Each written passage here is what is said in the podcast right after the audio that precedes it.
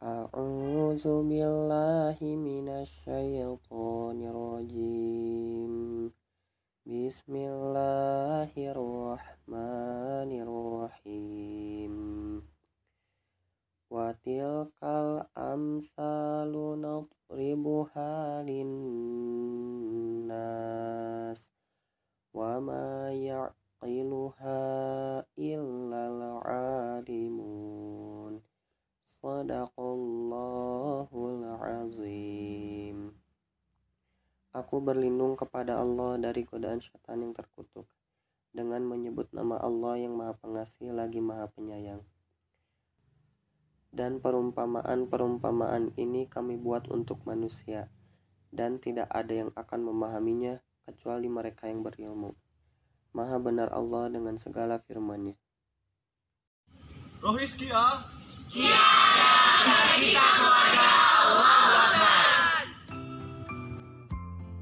Bismillahirrahmanirrahim.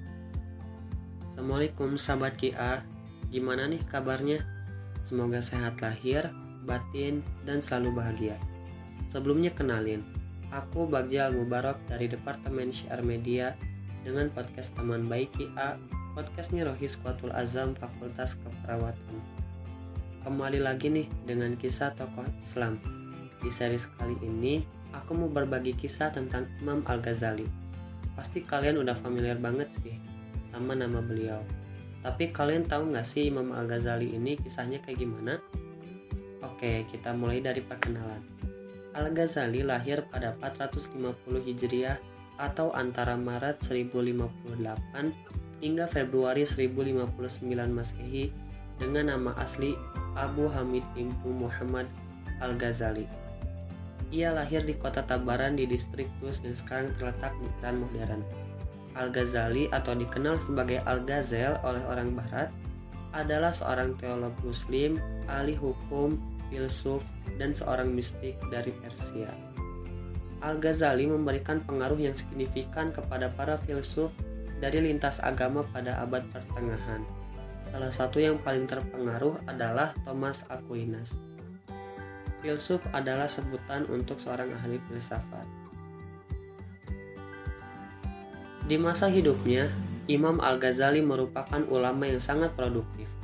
Beliau mengarang banyak kitab untuk berbagai disiplin ilmu pengetahuan, seperti fikih, tasawuf, hingga filsafat. Al-Ghazali dijuluki sebagai Hujatul Islam. Ada yang tahu nggak kenapa beliau dijuluki gelar tersebut?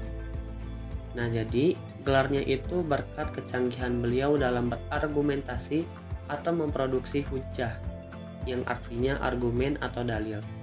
Karena perannya sebagai penebat yang membela soal kebenaran Islam terutama dari para filsuf batiniah, argumentasinya yang juga ia tulis dalam ratusan kitab dinilai sangat mengagumkan.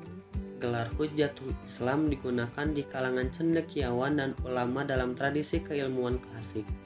Gelar tersebut disematkan ke sejumlah tokoh ulama dan intelektual sebagai bentuk penghormatan atas kapasitas keilmuan mereka. Luar biasa banget gak sih? Nah sekarang kita bakalan masuk ke perkenalan yang lebih jauh lagi mengenai karya-karya beliau.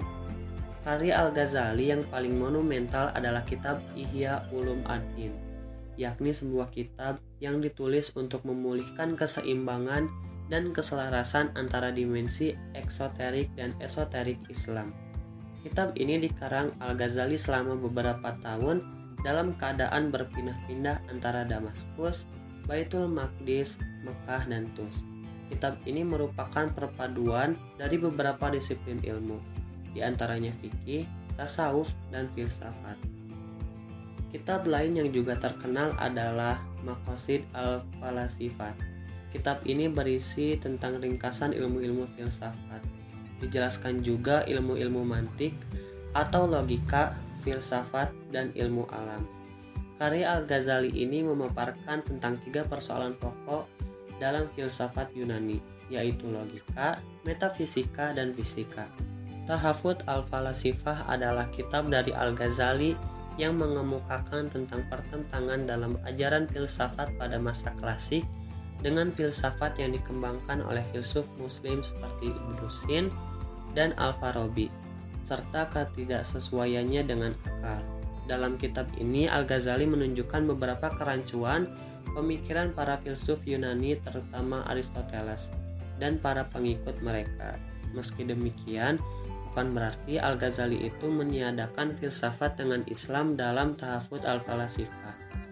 Sebaliknya, yaitu justru menambahkan hasanah yang lebih beragam dalam kajian filsafat dan kaitannya dengan Islam pada masa itu. Menurut sebagian besar sejarawan dan catatan biografi tokoh dunia, Al-Ghazali ini meninggal pada 18 Desember 1111 Atas dedikasi pada ilmu agama dan penerapannya, Al-Ghazali dianugerahi gelar kecemerlangan agama dan mulia di antara pemimpin agama. Wah, Masya Allah ya, Al-Ghazali ini memang tokoh Islam yang semangat dalam menuntut ilmu dan juga sangat produktif. Semoga dengan mendengar kisah beliau ini eh, bisa memotivasi kita untuk bisa menjadi manusia yang dapat memberikan manfaat bagi orang lain. Amin ya Allah ya Rabbal Alamin.